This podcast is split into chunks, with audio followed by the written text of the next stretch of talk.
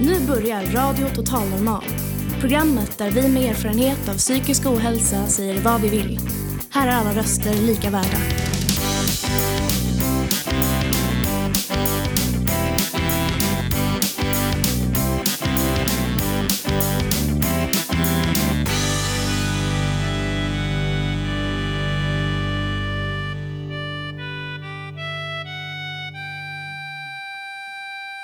Vår radio har funnits i hela tio år och gör varje vecka radio av och med oss som på olika sätt har erfarenhet av psykisk ohälsa.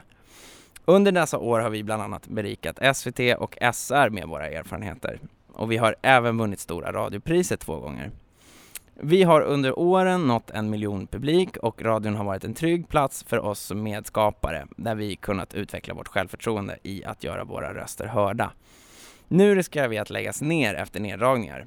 Ehm, för att vi med psykisk ohälsa ska kunna fortsätta skapa detta fantastiska program behövs minst 200 000 kronor. Därför gör vi nu ett upprop med hopp om att hitta enskilda, privata och offentliga aktörer som ser betydelsen av verksamheten och vill starta den. Swisha ditt stöd till 123 351 9956. Radio Total Normals drivs och produceras av mediehuset Fanzingo i samarbete med Fountain House Stockholm. Hej och hjärtligt välkomna till Radio Total Normal, ditt psyke i etern. Ni hittar oss som vanligt på 101,1 MHz i Stockholms närradio. Vi sänder live från Fountain House Stockholm och med mig har jag en härlig publik. Hej, hej publiken. I, idag har vi temat sinnen. Kan vara sinnena som vi upplever vår omvärld med eller sinnet där vi tar hand om våra intryck. Vi har ganska många gäster. Vissångaren Ola Aurell gästar. Countrysångaren David Richards. Emma Lundenmark ska berätta om sin diktsamling. Moheb Azizi ska berätta hur det är att komma som ensam flykting till ett helt nytt land och starta upp ett nytt liv. Förutom detta en massa livemusik, dikter och filosofiska inlägg. Så varmt och hjärtligt välkomna till dagens sändning. Jag som är program, dagens programledare heter Cynthia Anderson.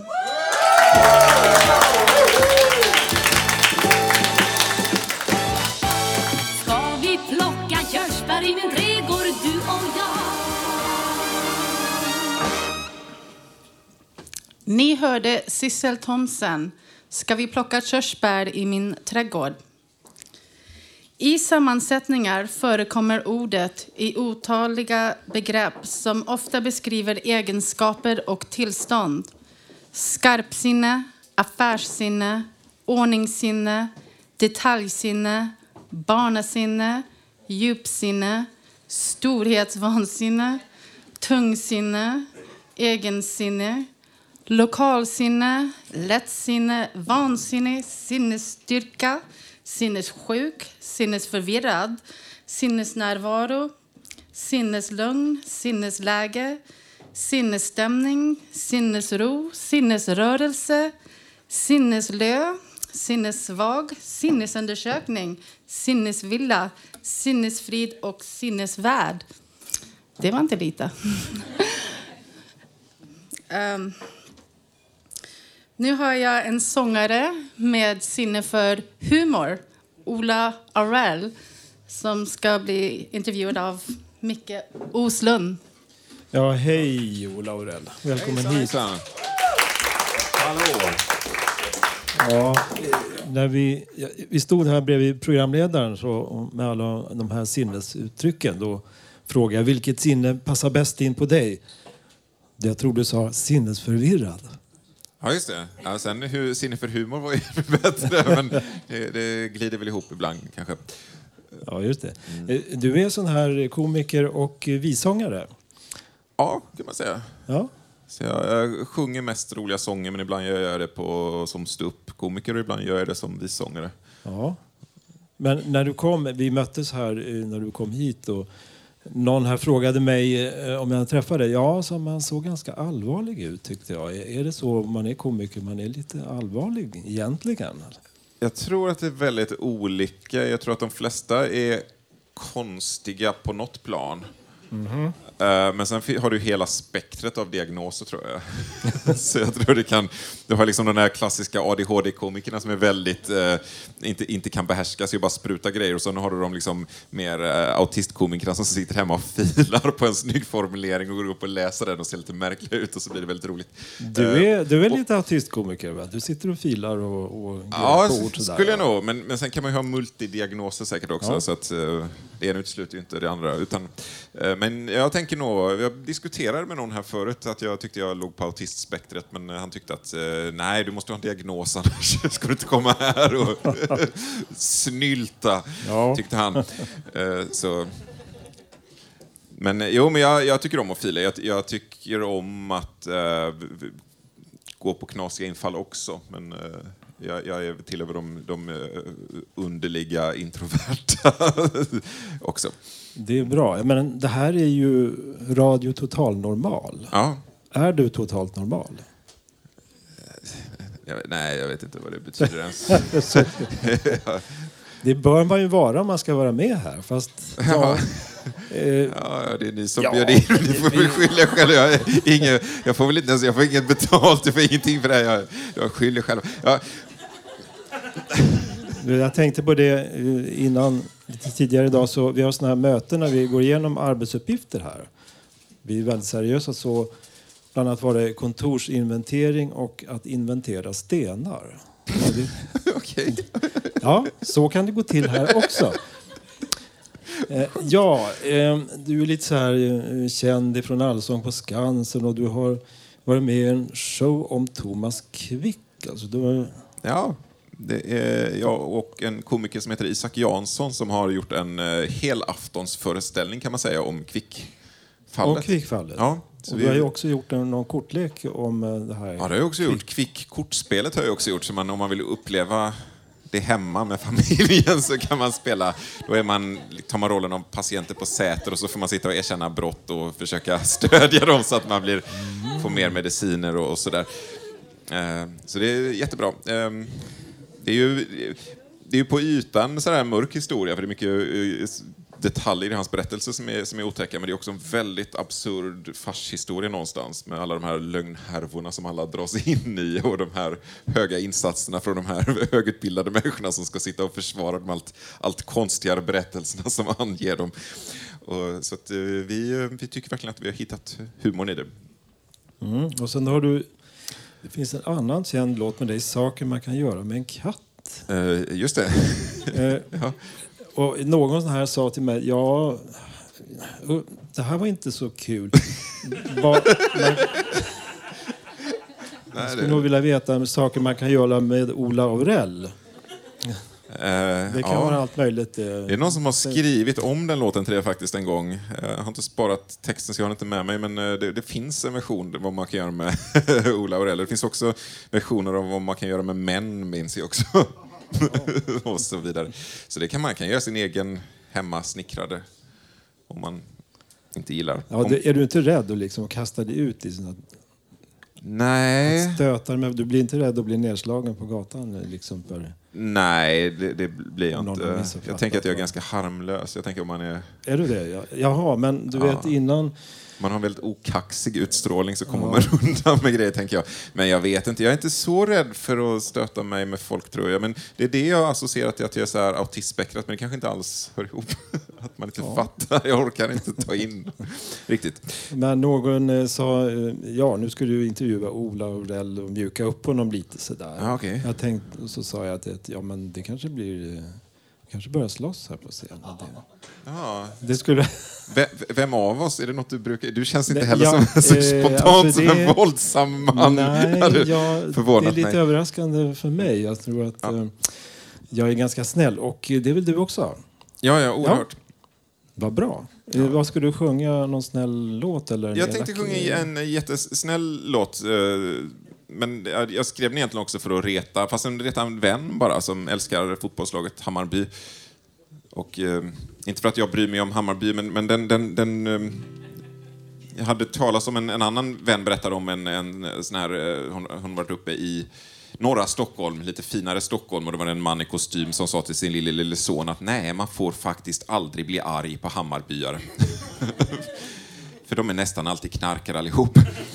Sådär. Och det tyckte jag det var roligt. Så nu jag har jag ätit bort allt knark för att inte stöta mig med någon. Då.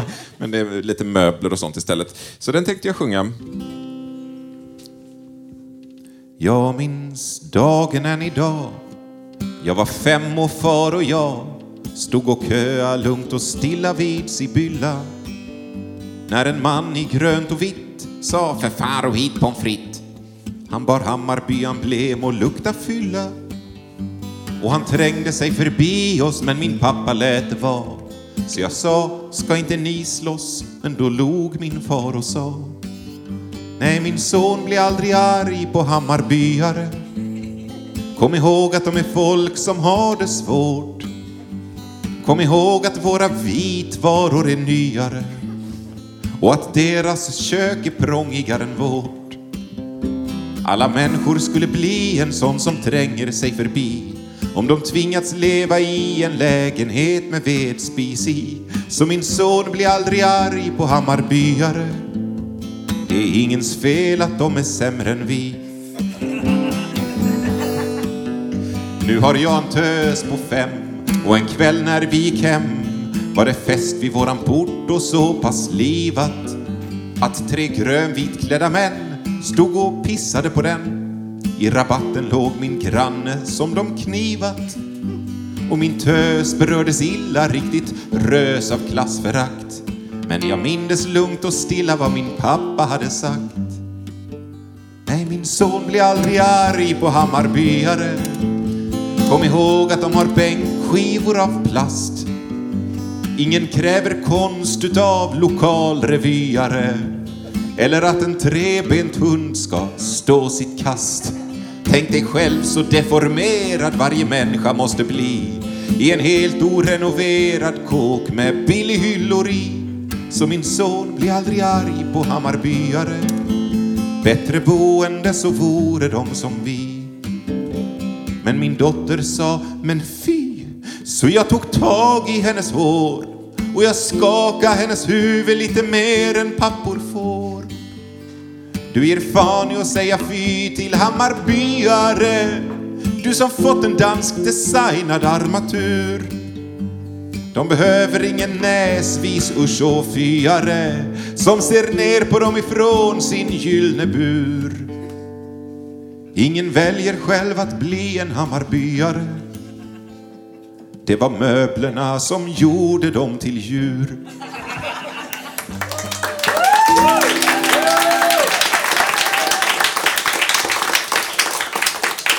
Så jättemycket. Tack Ola. Nu ska Lisa läsa en dikt. Varsågod.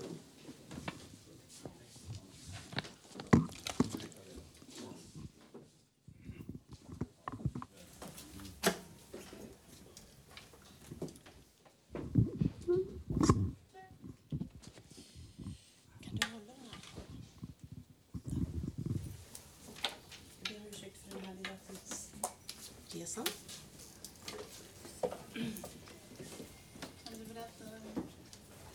Ja, nu ska jag prata här i mikrofonen. Jag ska läsa en dikt eh, ur en bok som Emma, Lund, Emma Lundenmark har skrivit tillsammans. Och Lo, eh, jag vet inte ditt efternamn, eh, har gjort bilder. Vi ska prata lite om den sen. Men vi ska börja med läsa, jag ska börja med att läsa dikten. Kära spindel öster om kroppen Lysaenops, vargansiktet. Alla konster vi kan göra och gör ändå. Bänken i det mörka vattnet. Allt har en skugga. Vem lägger an strängen? Kliver in på. Skygga vän. Den kluvna sluttningen. Jag bygger en tystnad åt dig. Ett litet titthål.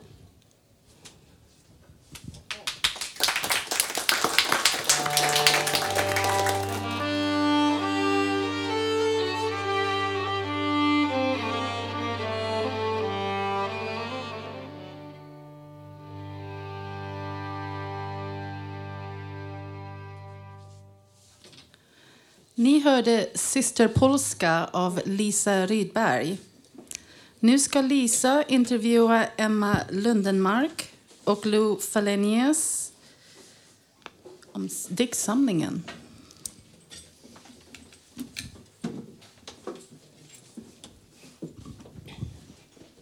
Ja, nu står jag här med Emma och Lou eh, och eh, ska prata om en jättefin speciell bok som har tillkommit eh, på ett annorlunda sätt. Ehm, jag har den här boken framför mig och det finns slutet på borden. Den är speciell, inte bara till innehållet, utan utseendet är väldigt speciellt. Det är en ganska mjuk bok med, med ganska hårda blad, kartong.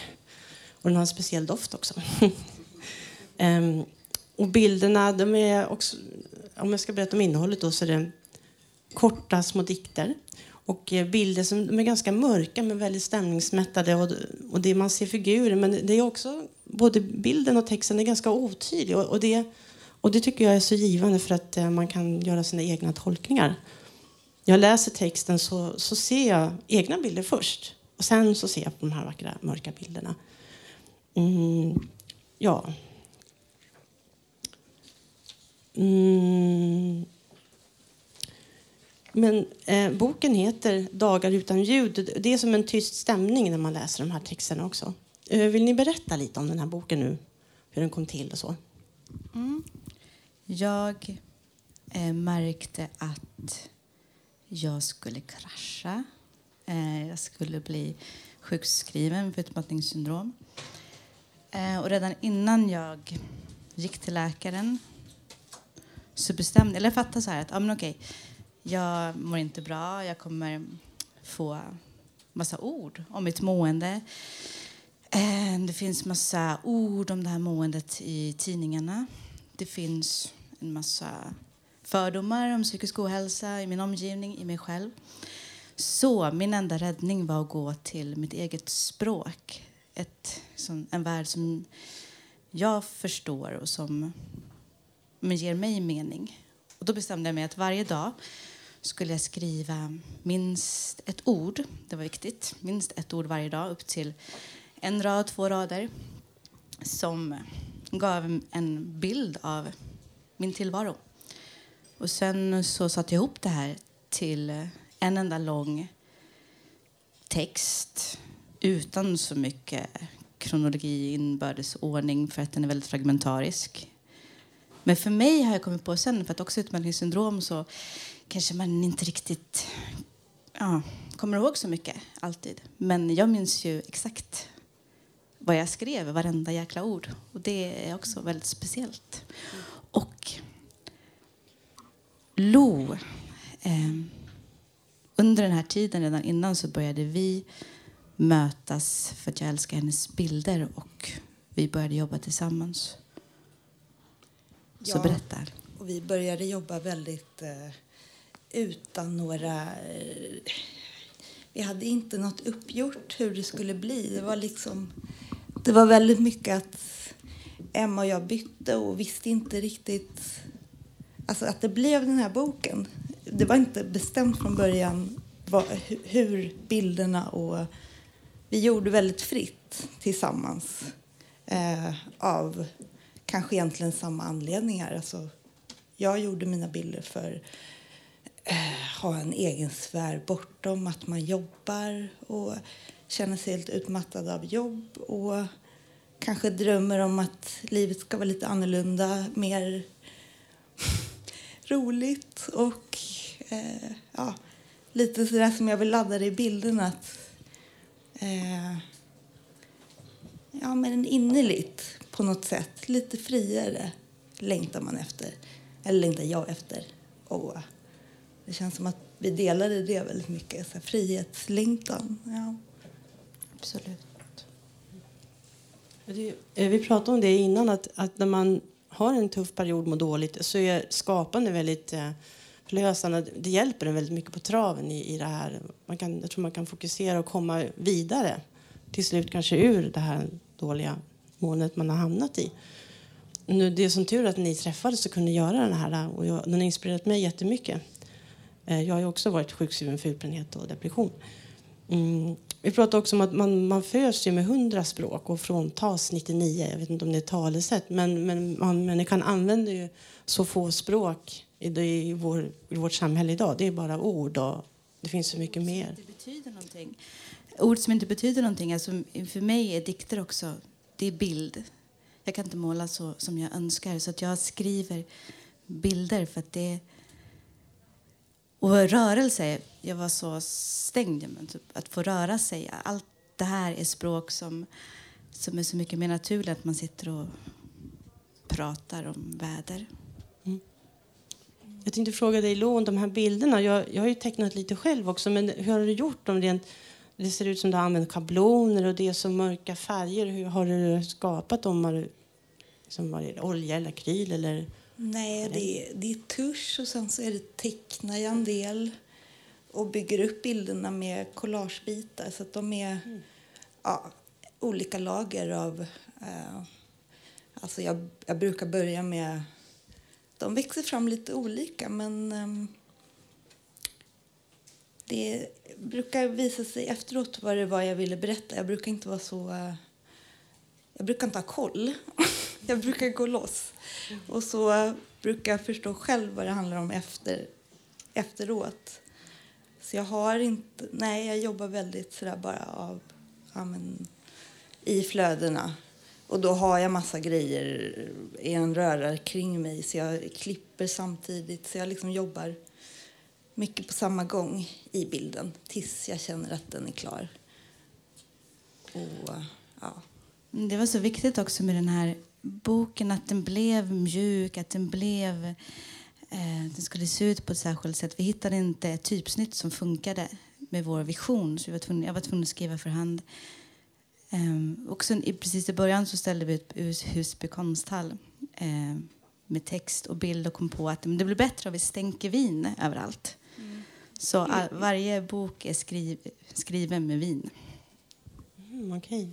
Jag tror att vi måste sluta snart. Eller får jag fråga, får en fråga till? Du berättade ju Emma att det här med vad man rör sig i, vilka sammanhang när man inte mår bra. Och du hade åkt till, eh, ni hade åkt till Irland båda två. Nej, Isle of Wight. Isle of ja. Wight och, och, målat. Och där kände du dig helt frisk. Så. Och det, det är så spännande. Ja, men det är just, det just, just den här kanske låsta tillvaron. Så hamnar man på en plats där man är fri och får vara och får skapa. Mm. Och då var man inte sjuk. Man kanske var sjuk i den här lilla boxen. Mm, det kan vara mycket så. Men eh, vi får tacka för oss. Ja, eh, Emma ska berätta vad hon ska köpa. Man kan, man kan köpa den här boken via Styx förlag. Och, eh, om man betalar, den kostar 80 kronor. Om man betalar 100 kronor så sätter vi in 30 spänn till Radio Total Normal för att de måste få pengar.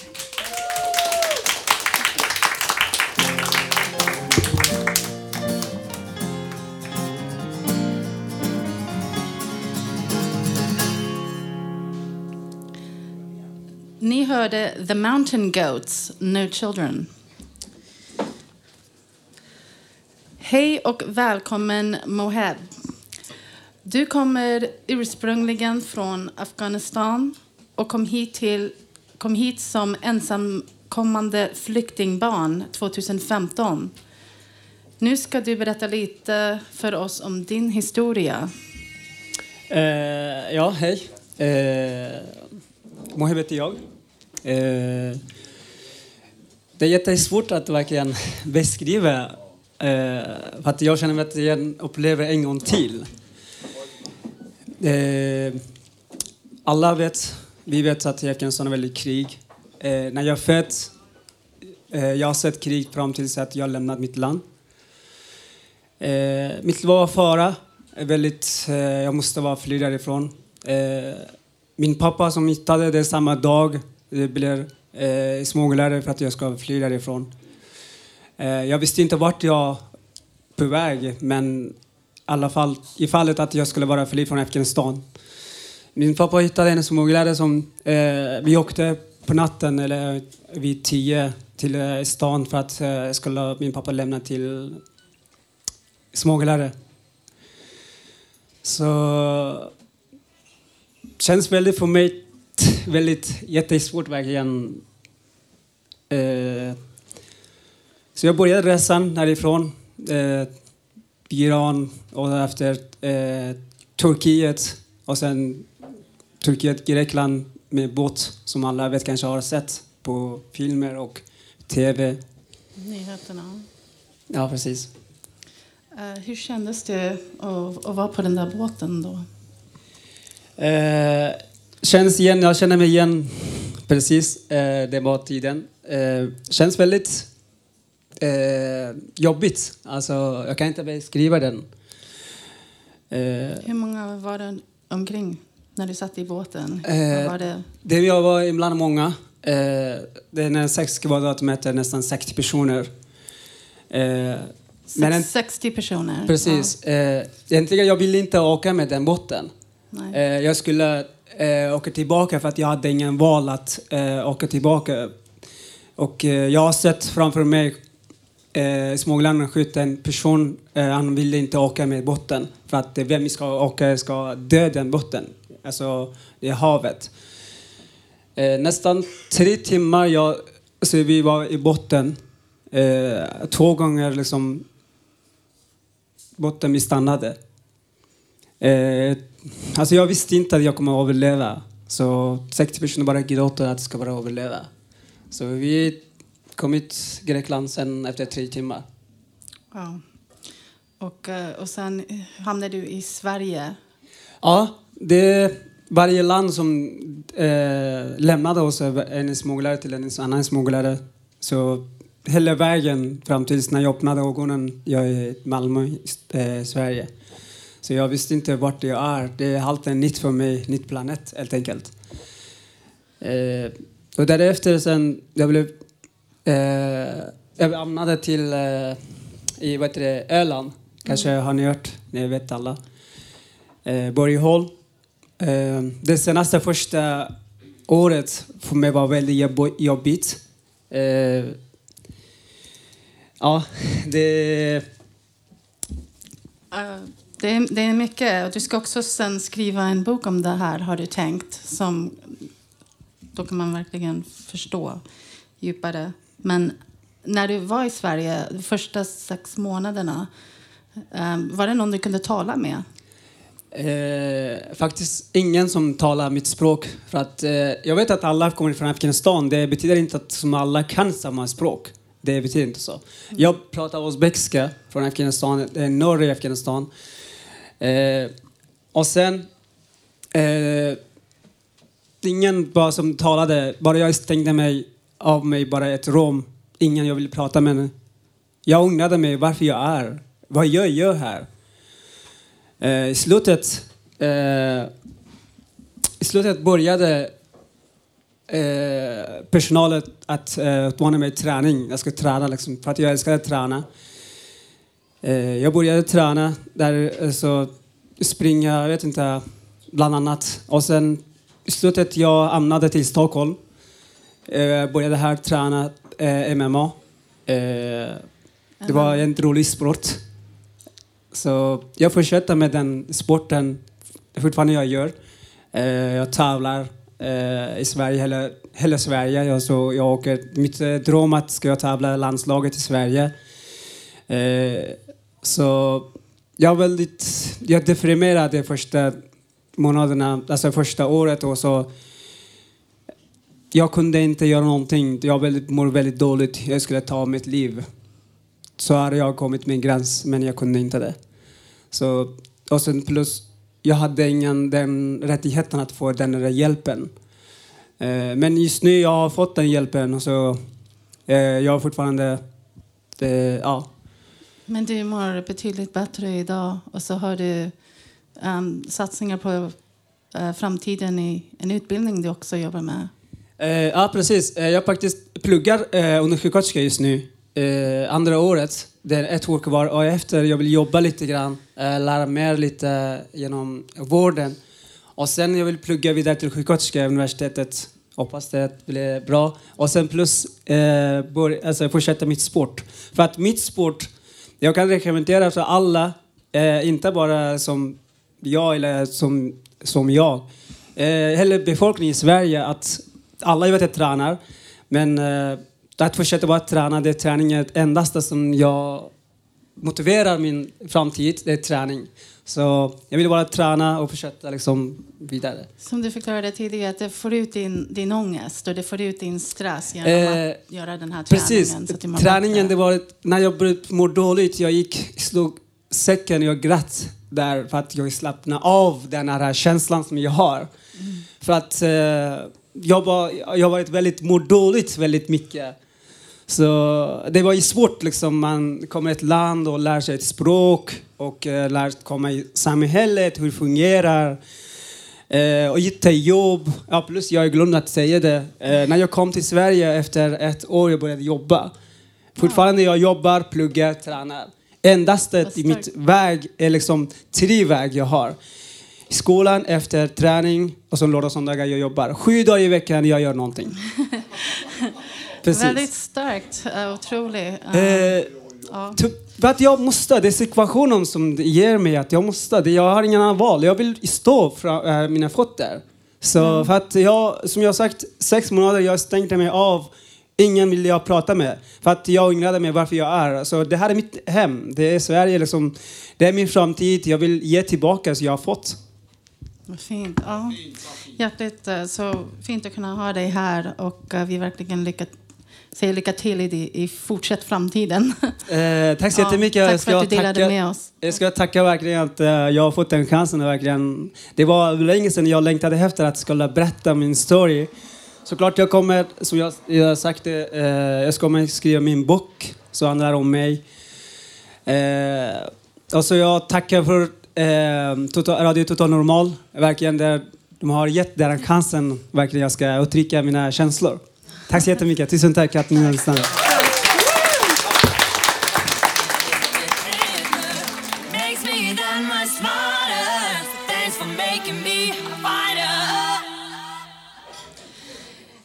Ni lyssnade på Ted Gärdestad, Jag vill ha en egen måne, som var också en av Mohebs favoriter.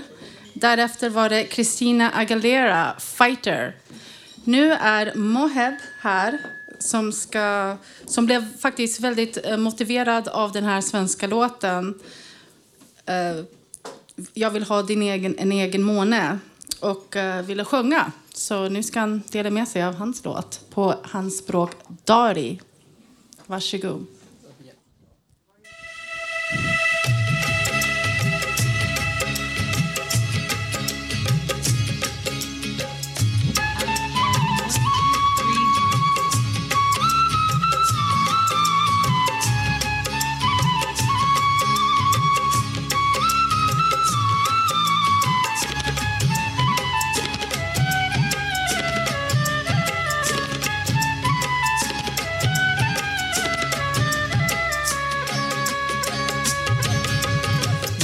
که بریم به مزار ملا محمد جان. سیل گل لال زار هوا دلبر جان. سیل گل لال زار هوا دلبر جان.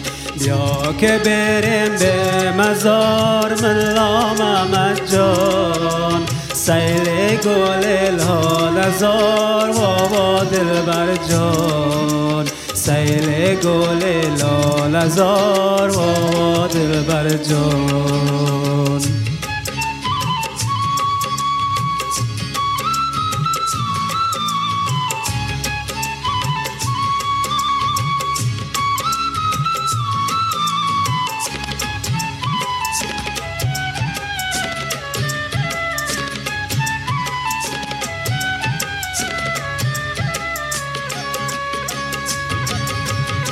رو با یار بگو یار تو آمد.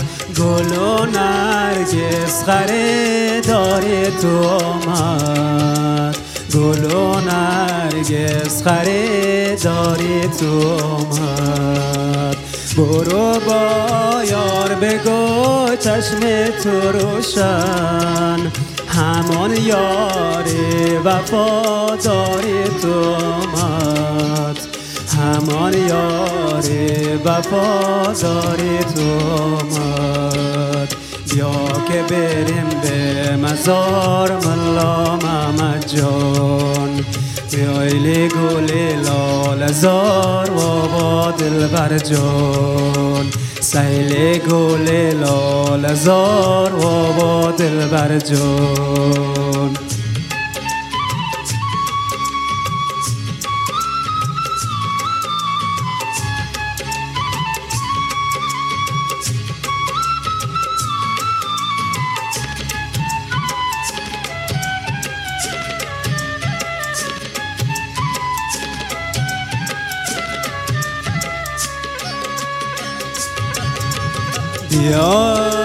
یار که مجنون تو هستم خراب لالل میخون تو هستم. خراب لالل میخون تو هستم. نمی بوسم لب پیمانه من پریشان و جگر خون تو هستم. پریشان و جگر خون تو هستم. بیا که بریم به مزار ملا محمد جان. سیل گل لال زار بابا دلبر جان. سیل گل لال زار بابا دلبر جان. سیل گل لال زار بابا دلبر جان. سیل گل لال زار بابا دلبر جان.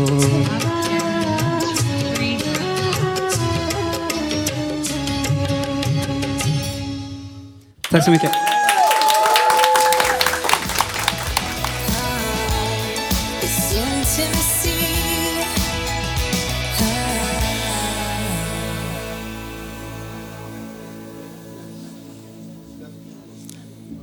Härligt. Det där var Alanis Morissette, Empathy.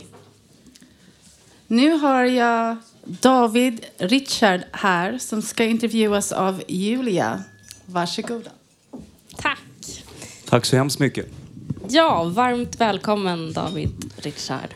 Eh, för de som gillar amerikansk folkmusik och bluegrass är du en känd profil, inte minst här i Stockholms musikliv. Men för våra övriga lyssnare, lite kort, vem är du? Ja, jag heter David och jag är jätteglad för att komma hit. Känns jättekul och spännande. Det är första gången för mig. Ehm, Jag fyller 30 år i februari och har senaste 10 åren turnerat med olika band inom det här spektrat, alltså amerikansk folkmusik och bluegrass och country, fast på, på modersmålet, på svenska. Och ehm, nu har jag kommit dit att den 7 juni så släpps min allra första soloskiva. Och det kan man också på sätt och vis kalla för country på svenska. Då. Ja, det är ju jättestort. Grattis till att du ska få släppa den här skivan. Du ska få berätta lite... Ja, en applåd! Men hur, hur, hur kom det sig att du fastnade för country och bluegrass? Ja, det var lite ett bananskal kan man nog säga. Jag, är inte alls, jag är inte alls uppväxt med den musiken och har inga naturliga kopplingar sådär. Utan jag kommer ihåg att någon gång på gymnasiet så visade engelska läraren den här filmen Bonnie och Clyde från 1967. Och eh, soundtracket till de här biljakterna det var eh, från Flat and Scruggs, några av de största bluegrass-pionjärerna. Alltså väldigt drivande banjo-musik och jag bara föll pladask. Och det dröjde ett par år nästan tror jag innan jag kom ut ur garderoben. Och jag visste inte varför jag gillade det, jag bara. Ja, Det bara var så. underbart. Mm.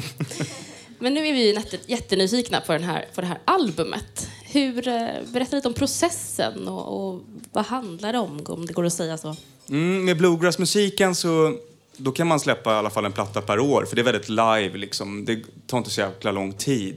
Ehm, det är liksom vad det är. Nu är det lite mera moderna inslag men en tydlig grund i countrymusiken. Men lite långsammare, vilket jag upplever ger lite mera tid till de svenska texterna, vilket känns väldigt bra.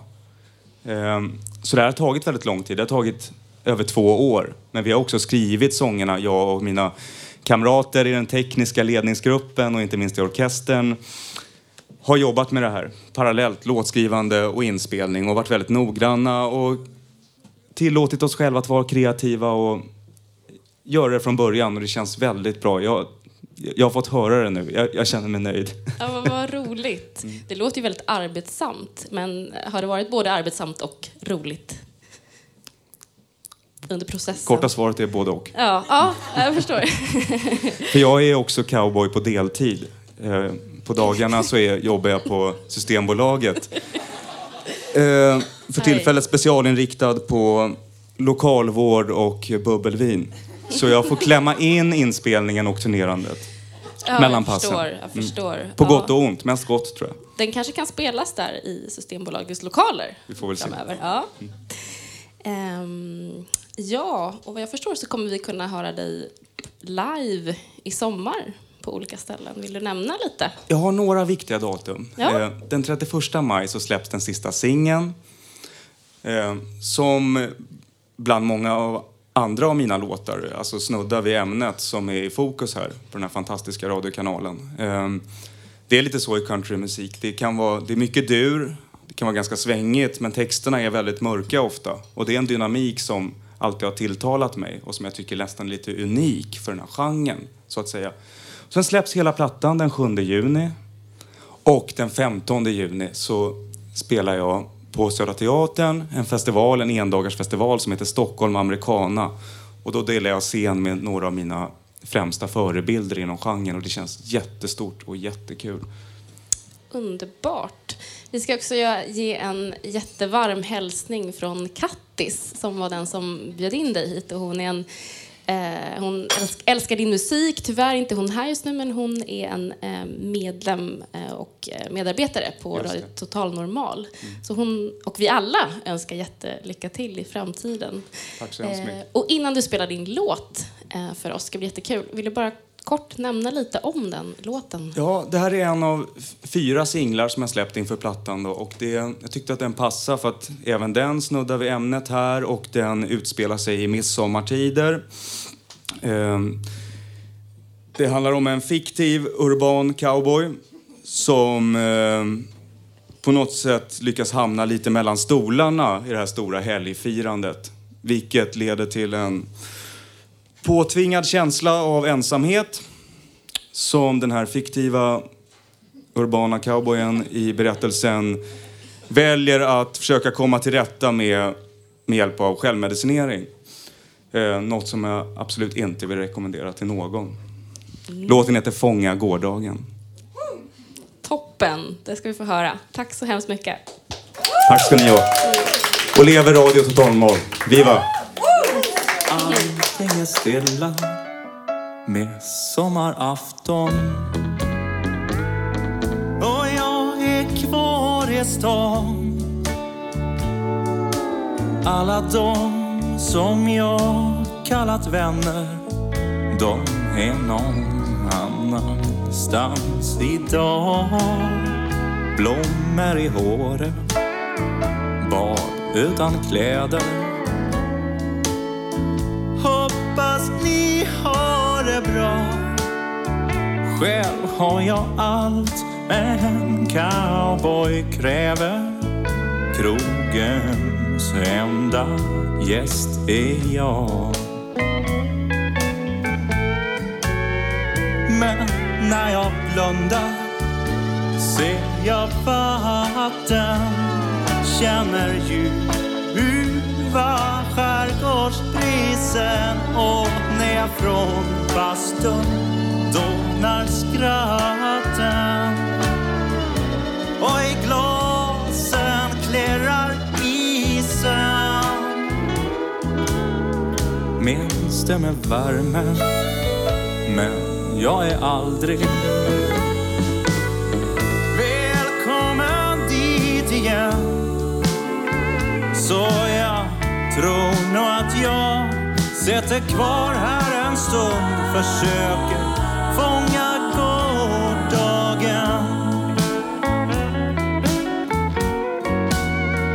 Folkungagatan ligger öde. Och benen har fått färg.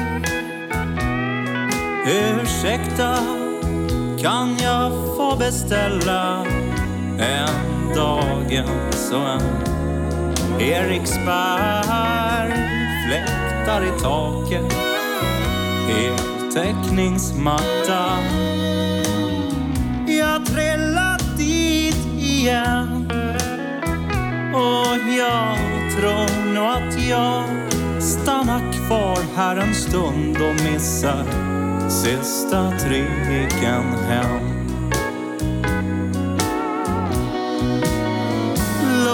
Mig förlora mig i gårdagen.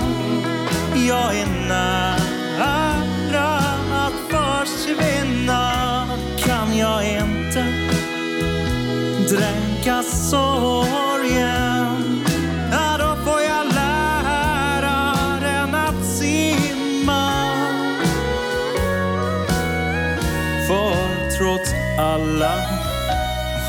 Svarta orden.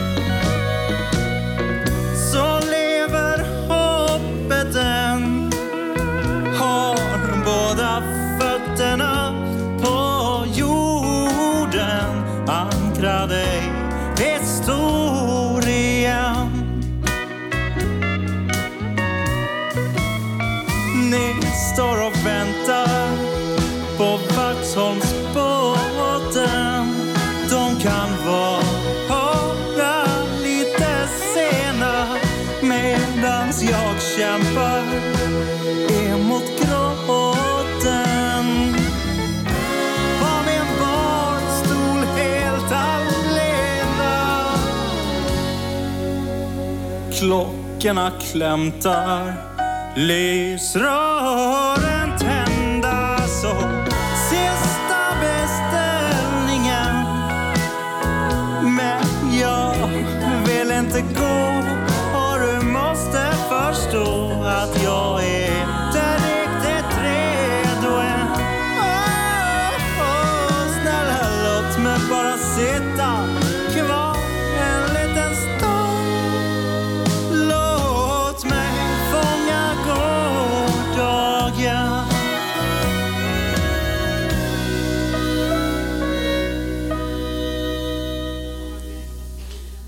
Vi hörde David Richard med låten Fånga vardagen.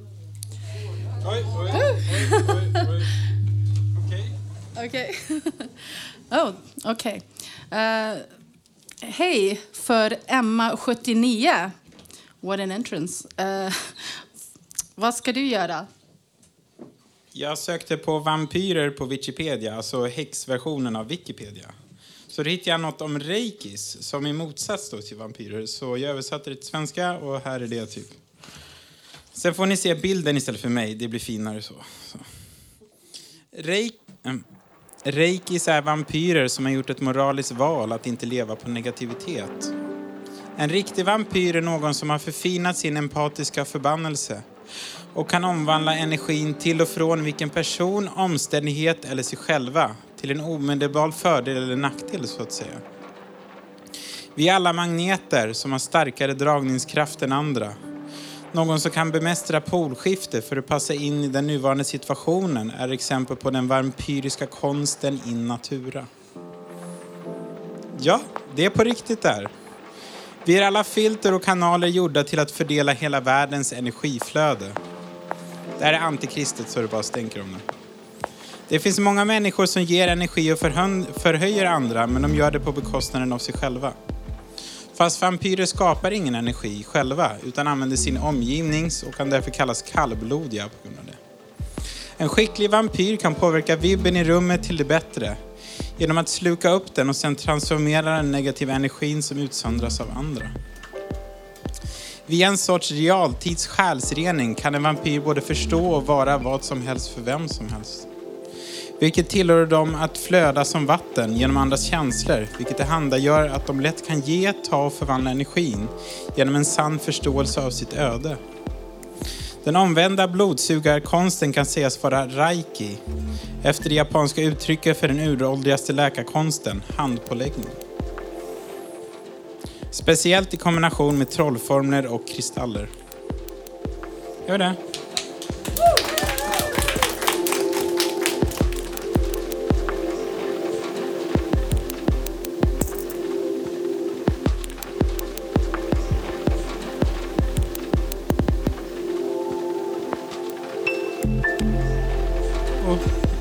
Hallå? Ja, det där var Dark Carlos Rainfall Dream i alla fall. Otrolig låt, så hej. Tack. Välkommen Felix Svan som bland annat staterats som demonstrant i säsong 4 av Gåsmamman ska nu tala om sinnen. Vad är sinnen? Aristoteles sa på 300-talet lukt, smak, känsel, syn och hörsel. Sedan adderades även balanssinnet. Vissa djur har förstärkta sinnen, typ hundars luktsinne. Andra djur har sinnen som människor inte har. Kloakdjuret känner av förändringar i elektriska fält runt omkring sig.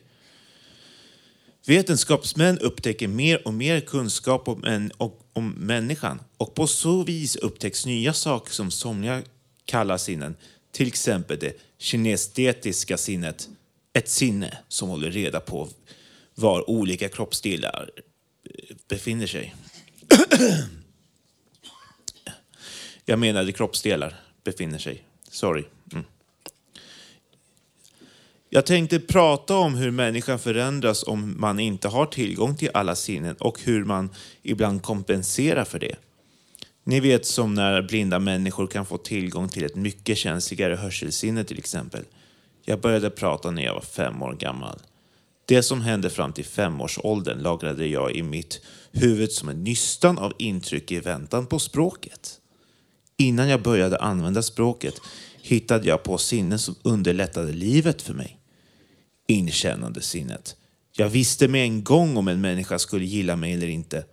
Jag kunde sätta mig bredvid och ibland i knät på för mig okända människor. Jag har alltid haft en känsla för vilka människor som var väldigt sköna att umgås med och vilka jag kände att jag inte tyckte om.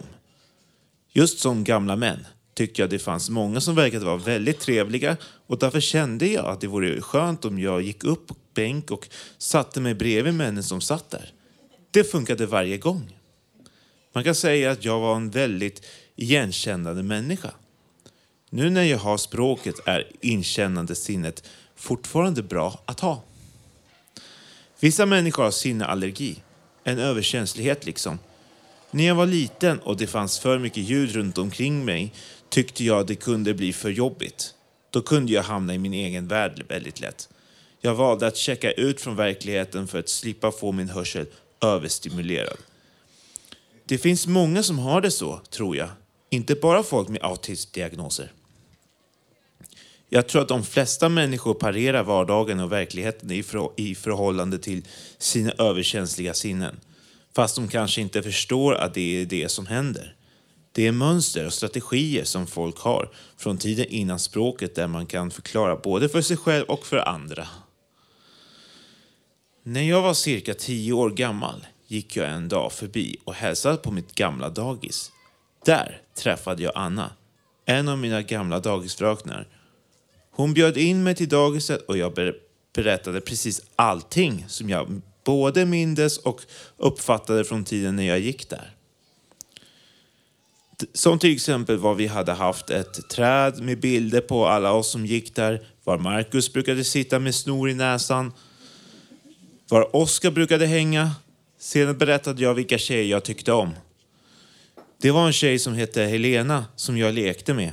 Jag minns också var vi åt tårta då och då.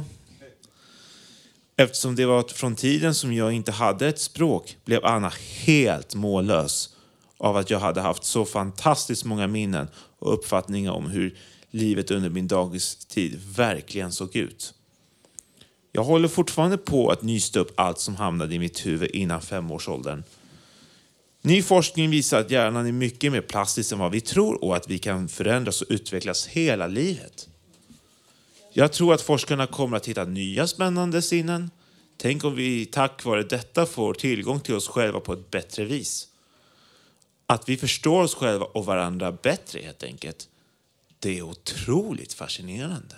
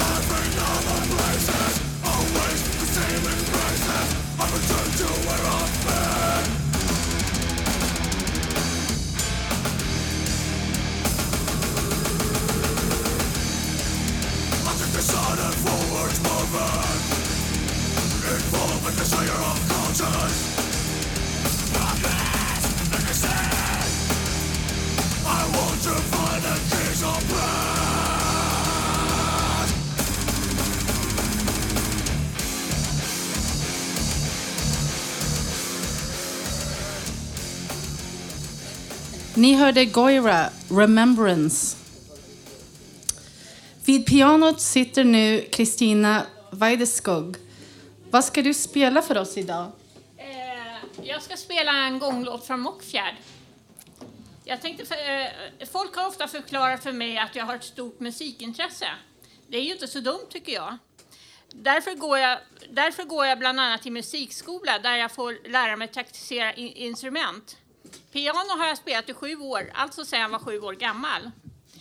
I, i, ibland lägger vi undan våra instrument och vi får börja från början igen vi, när vi tar fram dem. Jag gillar nästan alla genrer inom musik och svensk folkmusik är inget undantag. Idag ska jag spela gånglåt från Mockfjärd.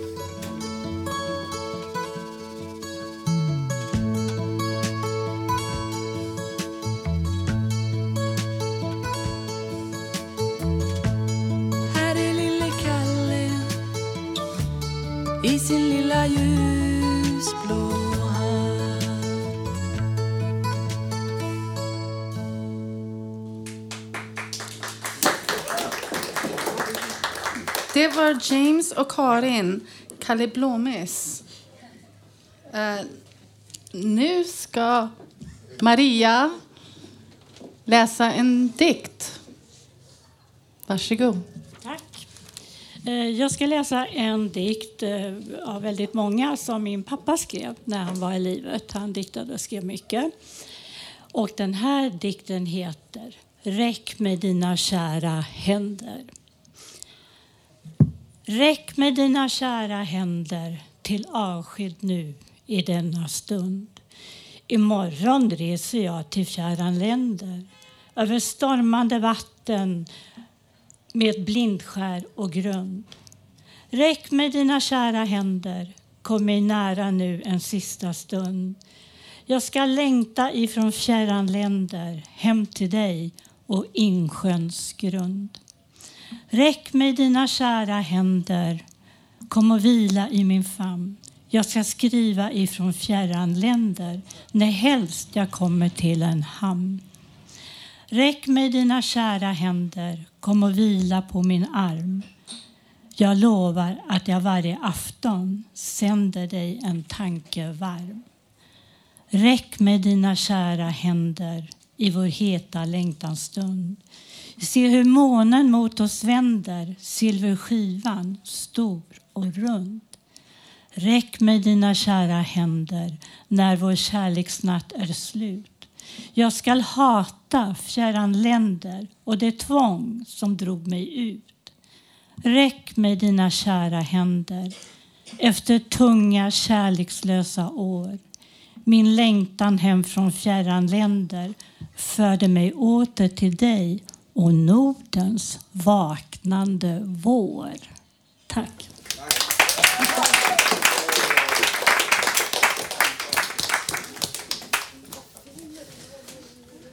Nu ska vi få höra vår huspoet Carl Undbom. Varsågod.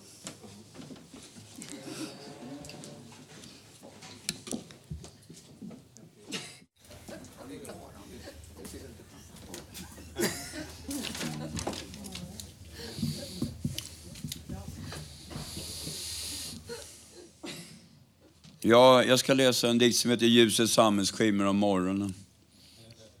Jag har inte varit så intresserad av att publicera eller läsa den här förut. Drömtemat är lite svagt ut. Det handlar mer om en fest. Alltså.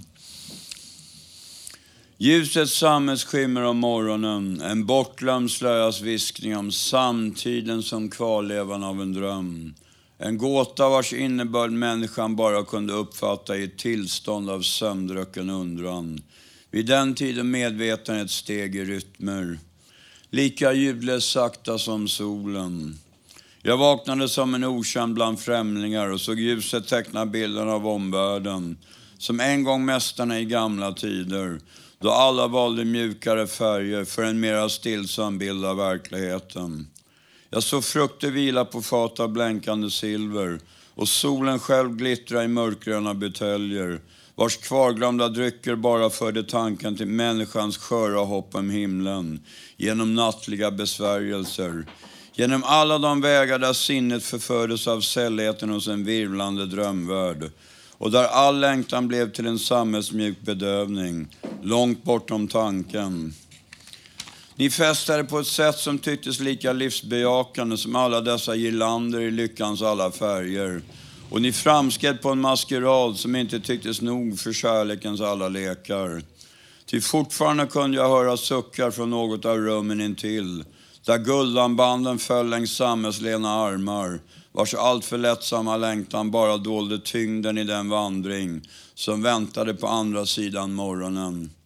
Det är sant du var som mig, ett barn av eftermiddagens stillsamma förhoppningar om en bättre värld längre fram. Men du var fängslad och bar på juveler i glömska av själens tyngder. Och någonstans en sprucken längtan till den tid då ljudet av fäktande silver bildade rytmen i den fallna sällhetens egen melodi. Så talade en gång ljudlösa skuggors lekar, en kväll då månen var ensamt vittne till en sanning lika säll som skönheten själv. Mm.